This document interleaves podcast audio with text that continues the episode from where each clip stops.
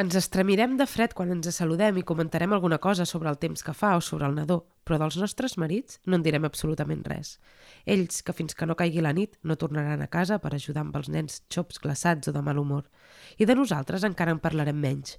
Per als fills, per als homes absents i per a nosaltres mateixes, som únicament mares. Soc la mare d'en Benjamin i d'aquí uns minuts diré bon dia a la mare d'en Matthew. Això escrivia l'assagista Jane Lazar a The Modern Not, en català seria El nus matern, tot i que no el tenim traduït, un llibre publicat per primera vegada el 1976 i que avui ja és un clàssic entre els assajos sobre maternitat i feminisme. Aquesta pèrdua d'identitat personal de què parla Lazar, això de passar a ser la mare de, és una de les qüestions que fa ballar el cap quan ets feminista i tens fills aquesta ambivalència que representa gaudir de la maternitat i alhora evitar que t'absorbeixi, perquè és molt absorbent, viure-la sense sentir que quedes reduïda a aquest nou paper. Quina ha estat la relació del feminisme amb la maternitat al llarg de la història? Com es materna des d'una posició feminista? Ha d'aguantar gaires contradiccions el binomi feminisme-maternitat? I més enllà, ens creiem que la maternitat és una qüestió política? Qui ho ha de banderar? Quines qüestions cal que siguin presents a l'agenda política i social si volem que la societat deixi de ser hostil a les maternitats i les cures?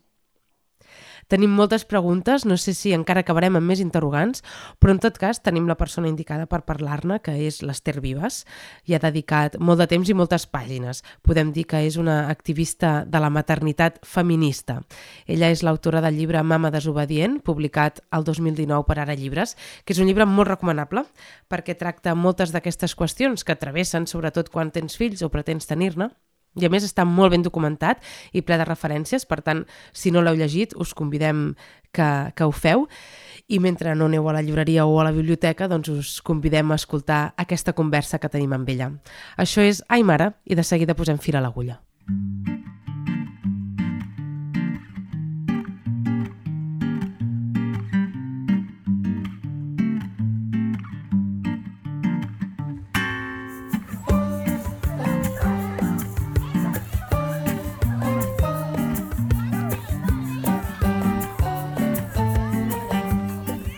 Ai Mare, el podcast sobre maternitats de VilaWeb, amb Bel Savalla. Esther Vives, bon dia, bona hora, benvinguda. Hola, què tal? Ambivalència, dèiem a, a l'entradeta. És, és un concepte que apareix sovint quan ets mare. Sí, jo crec que és un dels elements definitoris de la maternitat, però en canvi és un concepte molt invisible per, per, les, per les mares eh, abans de tenir criatures i fins i tot quan les tenim. L'ambivalència crec que és la paraula que més defineix l'experiència materna, perquè quan som mares ens movem en aquesta contradicció de les llums, les ombres, de l'estimar amb devoció les nostres criatures, però al mateix temps a vegades no podem més amb elles i necessitar que algú les agafi, i se'n parla molt poc d'aquest sentiment ambivalent quan jo penso que és una de les pedres angulars de la maternitat. I el fet de no parlar-se'n d'aquest tema doncs fa que visquem la maternitat amb molta culpa perquè quan sentim l'ambivalència de la maternitat, pensem que és alguna cosa que estem fent malament, errònia, aquest sentiment d'estimar de, i no poder més, quan en canvi és definitori. Per això és molt important que, que autores com Jen Lazar o Adrienne Rich, que ja des dels anys 70 han obert camí en aquesta direcció, doncs avui en dia les, les recuperem i recuperem la seva obra i en particular a, a aquest concepte, que crec que ens reconcilia amb l'experiència materna. I, i d'aquí passem cap al, al terreny més polític, és a dir, això és una dimensió me, més personal o d'experiència de, de cadascun, no? aquesta ambivalència, quan la poses en comú veus que és una cosa que, compartida, és aquí on passem al, al terreny més, més polític i més de, del feminisme, és a dir, com, com, quina relació acaba tenint el feminisme amb, amb la maternitat en aquest sentit. Bueno, jo crec que el feminisme és, podríem dir, la, la taula de, de salvació de les mares davant d'una maternitat patriarcal hegemònica que ens ha imposat aquest sistema. És a dir, quan et converteixes en mare eh, has de complir com una sèrie d'elements per ser la bona mare, la mare abnegada, la mare sacrificada, la mare feliç, enamorada de la seva criatura, al mateix temps avui en dia la mare que ho pot tot, productiva, eficient, treballadora d'èxit, i, i això és, és, és impossible. Um, aleshores, parlar de la maternitat real és molt important i el feminisme hauria doncs, les mares a dir aquest model de maternitat que ens imposen és el que hem de rebutjar, però hi ha una maternitat real, amb una sèrie de contradiccions, amb uns drets que hauríem de poder transitar, que és el que cal defensar i reivindicar des, de, des del feminisme, una maternitat on puguem viure amb drets, lliures de violència i de discriminacions i en ple, que crec que és molt important, el ple i el gaudi també en l'experiència materna. Crec que el feminisme hauria de ser aquesta taula de, de flotació, de salvació, com li vulguem dir, que ens ajudi a transitar una experiència materna lliure del mandat de la maternitat i podem tenir una, una experiència com a mares que, que puguem disfrutar. I, i um, aquesta incomoditat, hi ha un moment en el llibre que dius la maternitat ha estat un, un tema incòmode per, pel feminisme, no? Um, D'on sorgeix i per què sorgeix? És a dir, podríem fer una mica de repàs de la relació maternitat-feminisme durant els darrers segles, una mica així com una pinzellada, eh? Perquè al principi, o sigui, fa molts anys, a l'edat mitjana, per exemple, era una qüestió potser més mm, de dones i prou, no? Hi havia com aquesta cosa de sororitat gairebé entre les dones, i després què passa? Amb la maternitat s'institucionalitza, ja um, es deixa de banda el paper que havien fet tradicionalment les llevadores, no? es medicalitza.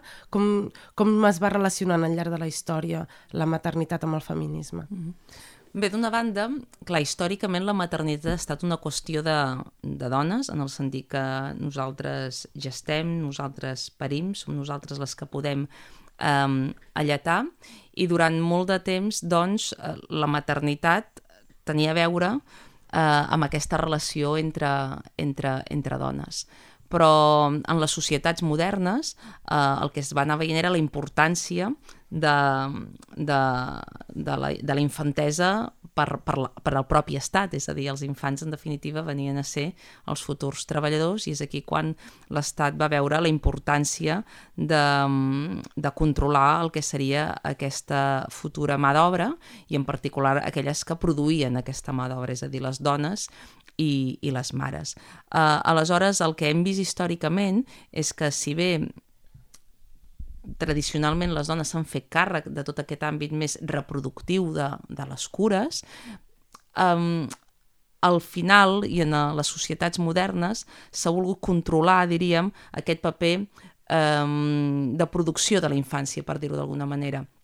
És a dir, jo sempre dic que al final el patriarcat i el capitalisme ens han acabat robant la maternitat, l'han acabat segrestant, perquè les dones se'ns ha permès tenir capacitat de decisió en temes privats, però quan aquests temes han començat a prendre part en l'esfera pública, doncs és quan allà nosaltres no hi hem tingut res a dir. No? Això passa eh, en les societats modernes, tot i que també tradicionalment eren les dones, per exemple, en l'antiga Roma, les que teníem les criatures, però si, per exemple, el, el, el marit moria, doncs la dona passava a ser doncs, mm, el recipient que contenia l'hereu, de la, de la família i la dona no comptava absolutament per res. Però sí que és cert que en les societats modernes això s'ha accentuat amb, amb el capitalisme i també amb una forma de, de, de patriarcat doncs, que bàsicament no ens permet a les dones decidir sobre el nostre cos i la nostra experiència vital, com també ha succeït en l'època de les nostres mares, evidentment, i les nostres àvies. Per tant, eh, el que veiem és que com a mare i en un model i en un sistema patriarcal no podem ser la mare que volem ser, no podem ser una mare que disfruti de la maternitat, que en gaudeixi d'aquesta experiència perquè hem de respondre a un determinat model de maternitat patriarcal i a la vegada també en aquest sistema capitalista el que veiem és que el procés de maternitat i de part queda supeditat al mercat. És a dir, a l'hora de parir no es té en compte els ritmes, per exemple, que necessita un part, que necessita la mare que dona llum, que necessita la criatura, sinó que se supedita una lògica productivista d'un part fast food, per dir-ho d'alguna manera. I el mateix succeeix amb una maternitat supeditada a un mercat de treball que no té en compte la dependència i la vulnerabilitat humana i en particular en aquest cas de, de les criatures. I el millor exemple són una permís de maternitat de tan sols 16 setmanes. Ara que deies això del el patriarcat que ha segrestat la, la maternitat, um, que la segona onada feminista no, es revela una mica contra, contra tot això. Suposo que és inevitable i és comprensible no, que ens rebel·léssim contra aquesta maternitat institucionalitzada no, i, el, i el model que, que es presentava. Llavors, davant d'això, que, que ara quina evolució hem, hem fet mm, des d'aleshores? De, sí, com et deia, històricament ens han segrestat a, a aquesta experiència materna i i això ha fet que el feminisme hagi tingut una relació complexa amb la maternitat. Abans em preguntava sobre la, la relació entre matèria i feminista, entre el moviment feminista i la maternitat. No t'ho he acabat de contestar perquè t'he fet més un marc general, però ara que planteges doncs, eh, aquesta qüestió, cal assenyalar que ha sigut una relació molt difícil entre el moviment feminista i la maternitat. Per què? Doncs perquè precisament la maternitat ha sigut una experiència segrestada per un sistema patriarcal que pels segles en segles ens ha imposat el mandat de ser mares a les dones i tu no podies escollir si ser mare o no, senzillament ho havies de, de ser. Contra aquest determinisme es van revelar les feministes de la segona onada dels anys 60-70, reivindicant el dret al propi cos, a tenir accés a mètodes anticonceptius, el dret a l'avortament i trencant amb aquesta idea que la maternitat havia de ser una imposició. Però en aquest revelar-se i en aquest i en aquesta necessària rebel·lió contra aquesta maternitat imposada i aquesta maternitat patriarcal, també es va caure en un cert discurs antireproductiu i antimares. És a dir, al final era mm, el patriarcat ens imposa ser mares, ser feminista és no ser-ho, per simplificar, uh -huh. però en grans trets és així. Hi ha dones feministes d'aquella època que no van tenir criatures precisament en part per això mm, crec que avui en dia ens trobem en una altra situació, crec que les dones nascudes als 70, 80, 90, que avui són mares, gràcies a la lluita de les nostres antecessores, hem pogut escollir si ser mares o no, i això ens fa mirar la maternitat amb menys prejudicis i, i també plantejar la necessitat de reconciliar-nos amb l'experiència materna i distingir entre el que és el mandat de la maternitat del que és l'experiència materna lliurement elegida, que ha de poder ser transitada lliure de violència i discriminacions aquesta maternitat i, i en ple dret. I, i això és el que crec que ha de defensar el feminisme. Una maternitat mm, lliure, plaent i sense imposicions. En el llibre mm, expliques com um, quan anaves a assemblees no? o a, a espais de, de debat, de moviments socials, la maternitat és una cosa que, que no es tenia gens en compte, no? i al final el que passava és que quan eh, et converties en mare, deixaves o deixes, no sé si dir un present, d'anar a aquests espais perquè són una mica hostils, diguéssim, a, a la maternitat. Justament per això, potser perquè no s'ha tingut prou en compte des d'aquests espais um, el, el, la maternitat i què, què implica. No sé si això ha canviat una mica o encara no, o estem aquí en els debats encara? Jo crec que han canviat bastant les coses, afortunadament, en pocs anys. I quan vaig escriure el llibre, que es va publicar el 19, i el vaig escriure entre l'any 15 i l'any 19, doncs era un context diferent al, al, al d'ara, i crec que, en part diferent, i crec que el que ha ajudat a canviar-ho en positiu és aquesta nova onada feminista que hem viscut els darrers anys, que ha posat damunt de la taula molts temes vinculats a l'experiència femenina que fins fa poc eren tabú i eren silenciats. Avui estem parlant doncs, del plaer sexual en clau femenina, estem redescobrint el nostre clítoris, estem parlant de la, de la menstruació, estem parlant també doncs, de la menopàusia des d'una altra mirada i entre tots aquests temes que hem tret de l'àmbit privat al públic també hi ha la maternitat. I crec que això ha ajudat, ha ajudat molt i s'està començant a parlar de maternitat en espais feministes, cosa que abans no es feia. I també penso doncs, que en espais activistes doncs, cada cop més eh, el debat sobre com conciliar no només maternitat sinó cures amb, amb l'experiència militant activista, a poc a poc eh, es va introduint a aquest, aquest debat. I això és positiu. Però evidentment queda molt de camí a recórrer perquè vivim en una societat on també les pràctiques contrahegemòniques estan impregnades a vegades de dinàmiques que tenen a veure amb aquest sistema patriarcal i capitalista i no és fàcil trencar amb això. Però crec que és un debat molt necessari, sobretot ja no només parlant de la maternitat, sinó la necessitat de posar doncs, les cures també en, en el centre de, dels espais col·lectius. Clar, de fet, eh, les cures, és a dir, quan, quan realment t'has de fer càrrec d'algú, no? quan has de tenir cura d'algú, és quan te n'adones de, de la llosa que és el, el patriarcat, no? perquè realment la societat no, no, no està feta per tenir cura, de, en aquest cas perquè parlem de criatures, però en general de, de les persones. No? Sí, i, i de fet hi ha moltes dones que un cop s'han convertit en mares diuen m'he fet feminista, uh Mhm. -huh. perquè he vist com ho tinc pràcticament tot en contra en aquest sistema que no està pensat per cuidar, sinó que està pensat bàsicament produir i està pensat des d'una lògica mm, mercantil. Aleshores, mm, crec que és fonamental, quan parlem de maternitat, plantejar que no és només una qüestió de dones, que no només és una qüestió de mares. Quan parlem de maternitat estem plantejant que primer la maternitat hauria de ser considerada el fet de, de cuidar eh, a criatures una responsabilitat col·lectiva de, de dones, d'homes i que hauria d'anar més enllà de, de, de la idea de família i de, i de parella, una responsabilitat social. Les ciutats no estan pensades per les criatures, no estan pensades per la dependència, no estan pensades per, per, per la cura i crec que això és molt important per això crec que el feminisme ha d'entendre que la maternitat és un tema propi perquè toca a moltes, a moltes dones que veuen vulnerada aquesta experiència des del punt de vista que és una experiència sovint que ve travessada per violència i per discriminacions i perquè també aquestes violències i discriminacions afecten a la canalla. Aleshores crec que el feminisme ha d'entendre que aquest és un tema que li pertoca i a la vegada entendre doncs, que és un tema que va molt més enllà de l'àmbit privat i que té a veure amb, les, amb, amb, amb, amb una responsabilitat pública també i col·lectiva.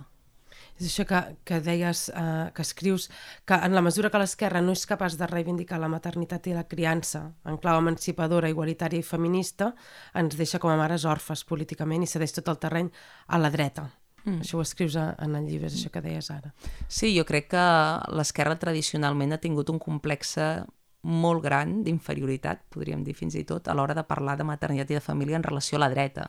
Mm. És com que quan parlem de maternitat i família són temes que pertanyen a la dreta i en part com que l'esquerra i els feminismes els han abandonat. És com un tema que no va amb nosaltres i això crec que és molt, és molt perillós perquè bàsicament deixa eh, l'experiència materna, en aquest cas, eh, a mans de sectors que bàsicament el que busquen és utilitzar la maternitat per controlar el, el cos de la dona, supeditar-la i no permetre-la decidir sobre, sobre aquest procés.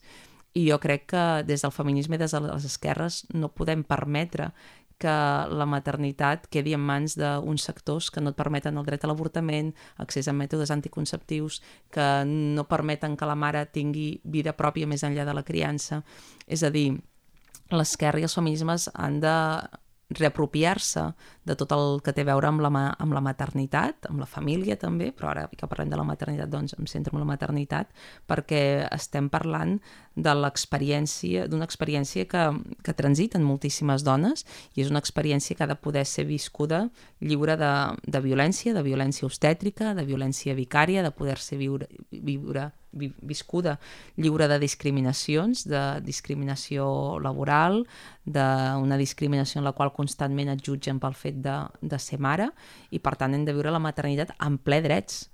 I si aquests drets no els defensa el feminisme ni els sectors d'esquerres, ja em diràs tu qui els defensarà.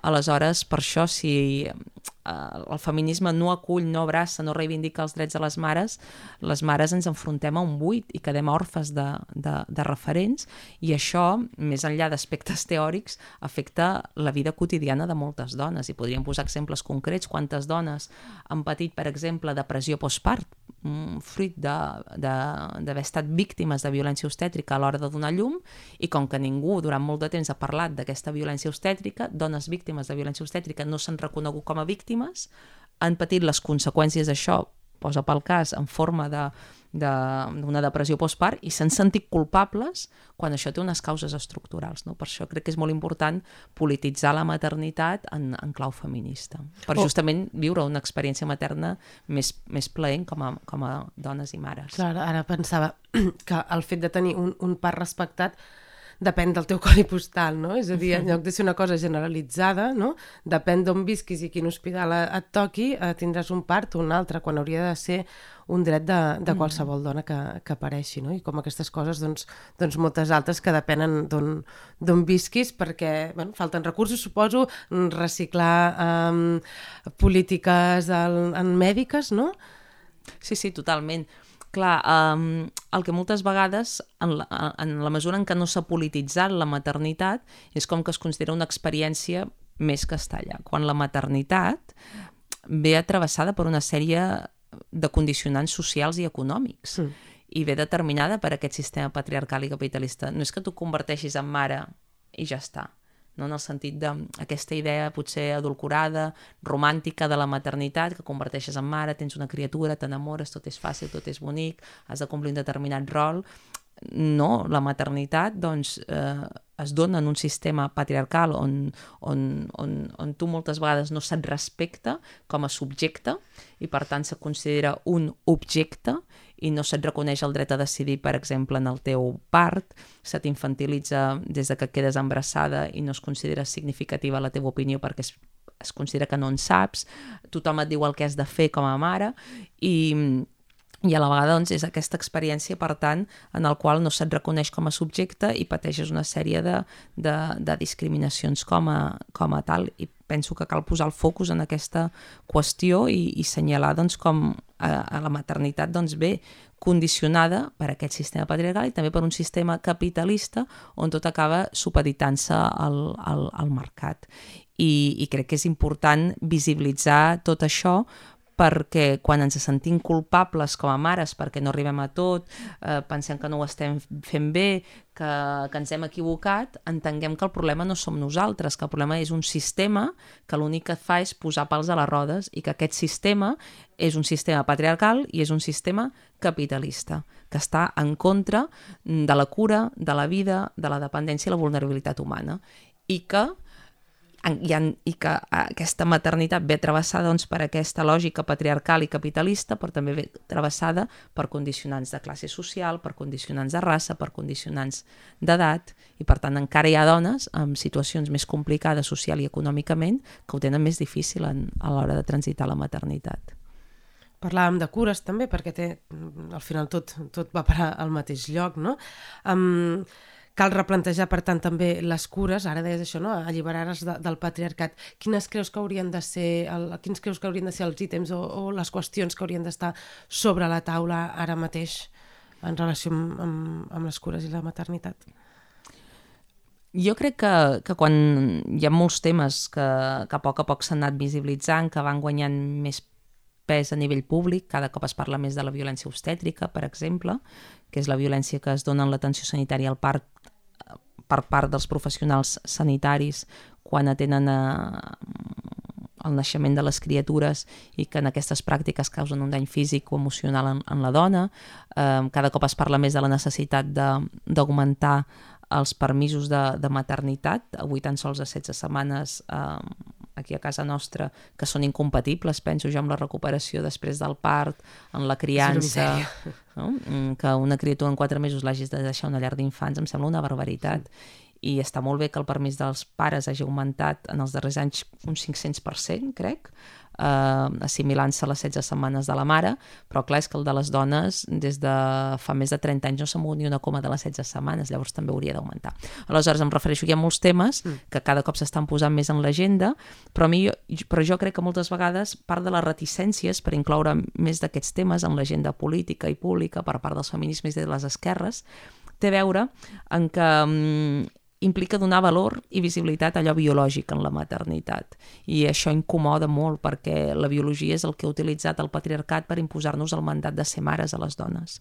I, i valorar, per exemple, que, que les dones tinguem més setmanes de permís de maternitat, doncs té a veure en reconèixer aquest caràcter biològic de la maternitat. I està clar que la maternitat va més enllà de, del que és biològic, òbviament, no hi ha mares de primeres i de segona pel fet de ser mares biològiques o no, però la biologia també és important en la maternitat més enllà dels elements culturals. De fet, és, potser és un, un dels debats que hi ha actualment dins dels feminismes, no? perquè hi ha com uns determinats sectors que consideren que aquesta criança més de vincle, no? natural, el, consideren que és una regressió, és, no? Mm, després de tot el que havien aconseguit a les nostres antecessores, ara tornem a, volem tornar una mica a tancar-nos a la llar, fan aquesta, aquesta crítica, fins i tot fan servir conceptes com essencialistes, no? Uh -huh. Diuen um, que de fet escoltant-les, um, home, et fan, et fan considerar coses, no? Perquè el que diuen té, té una base, diguéssim, no?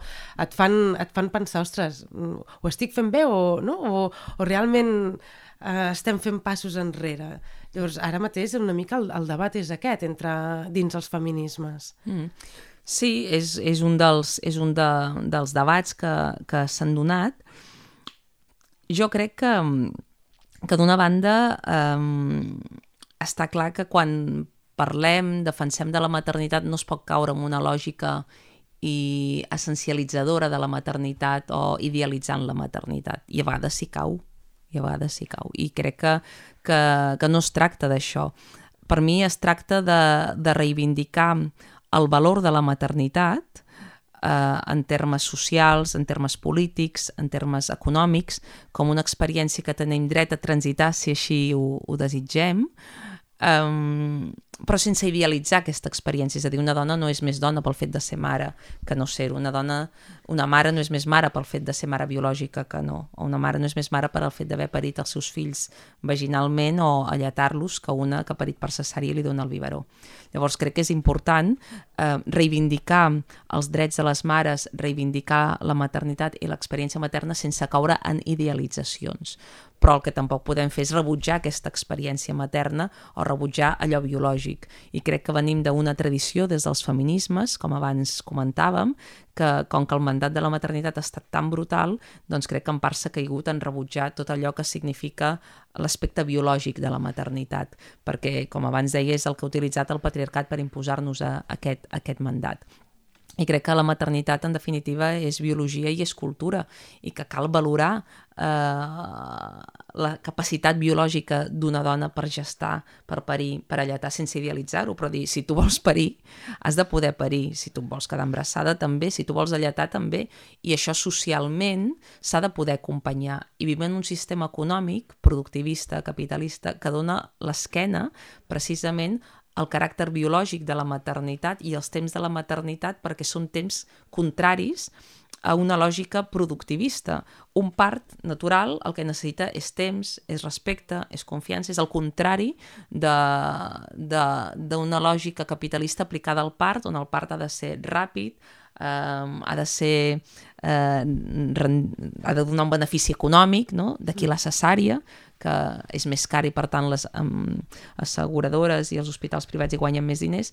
En definitiva, allò biològic també en, en la maternitat trenca amb, amb, amb la mirada mm, capitalista i productivista. I crec que això cal tenir-ho en compte, sense idealitzar-ho, però dir, mm, és, és així. Quan parlem de lletar, doncs si tu alletes a la teva criatura, això et dona una autonomia en relació al teu cos, a l'hora de tu utilitzar el teu cos per, donar de, per alimentar el teu, el teu nadó que, que és la millor la lactància materna? No, perquè dependrà de cada dona. Hi haurà dones que per elles la lactància materna no serà una opció i per tant no serà el millor per la criatura ni per la mare.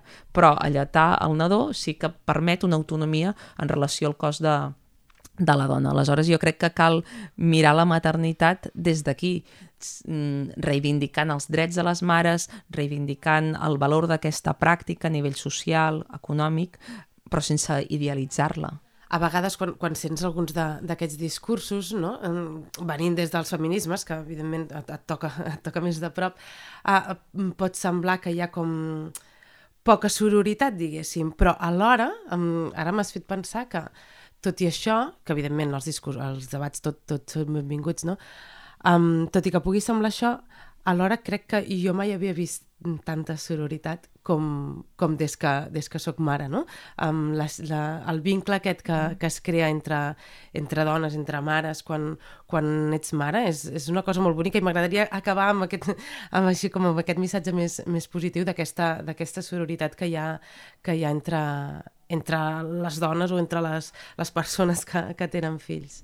Sí, sí, sí, jo crec que clar, la, en la maternitat constantment et sents moltes vegades jutjada i, i qüestionada per les decisions que prens. I a vegades ets jutjada i qüestionada per persones que no són mares o a vegades també per, per mares. Però jo crec que per sobre de tot i com tu bé dius, el que preval també és la, és la sororitat. Jo també és l'experiència que, que he tingut quan he estat en grups després de parir, en grups d'acompanyament també a la lactància materna i crec que és aquesta sororitat, aquesta sol solidaritat entre mares i entre dones la que cal, la que cal reivindicar perquè mm, al final facis el que facis com a mare et criticaran perquè és un sistema eh, en el qual la, la dona, i en aquest cas la mare, està doncs, en el punt de mira, és a dir, està, està qüestionada i qüestionant si dones el pit, si dones el biberó, si fas collit, si no fas collit, si tens la criatura i el nadó a casa, si el portes a, a, un jardí, a una escoleta, sempre qüestionaran. Llavors, davant d'això, el que cal és eh, suport mutu també entre mares i entendre que cada mare fa el que pot amb les circumstàncies en les quals es troba i amb la motxilla personal que carrega. I per tant no som ningú per jutjar eh, les opcions que pren una altra, una altra mare. I crec que aquesta sororitat és important entre mares i també entre mares i no mares perquè moltes vegades es cau com en una confrontació entre mares i a vegades entre dones que tenen fills i aquelles que no en tenen. Mm. quan en realitat és molt difícil tenir criatures perquè això se't jutja constantment i se't dona un tracte sovint paternalista, tothom sap més del teu nadó que no pas tu, que ets la mare, se suposa, no? i tothom en sap més que, que tu. Però si no ets mare, també constantment se qüestiona per què no tens fills, ets un egoista, um, et quedaràs sola, qui cuidarà de tu quan siguis gran, i també les dones sense fills mm, tenen un, un qüestionament constant i a vegades una maternitat mm, no desitjada, és a dir, no vull tenir fills, i a vegades una maternitat mm, que no tens fills, una no maternitat per circumstàncies, és a dir, mm -hmm que també pot ser molt difícil de transitar. Aleshores crec que cal aquesta sororitat entre mares i també aquesta sororitat entre mares i, i no mares, crec que és important. Doncs Esther Vives, ho deixem aquí. Moltes gràcies per, per haver vingut a, a aquest programa, a aquest podcast de, de VilaWeb. Un plaer, moltes gràcies, Bel, per la invitació. A reveure. Heu escoltat Ai Mare, el podcast de VilaWeb sobre maternitats, conduït per Bel Savalla amb Carles Garcia a la part tècnica i a les veus, Carla González.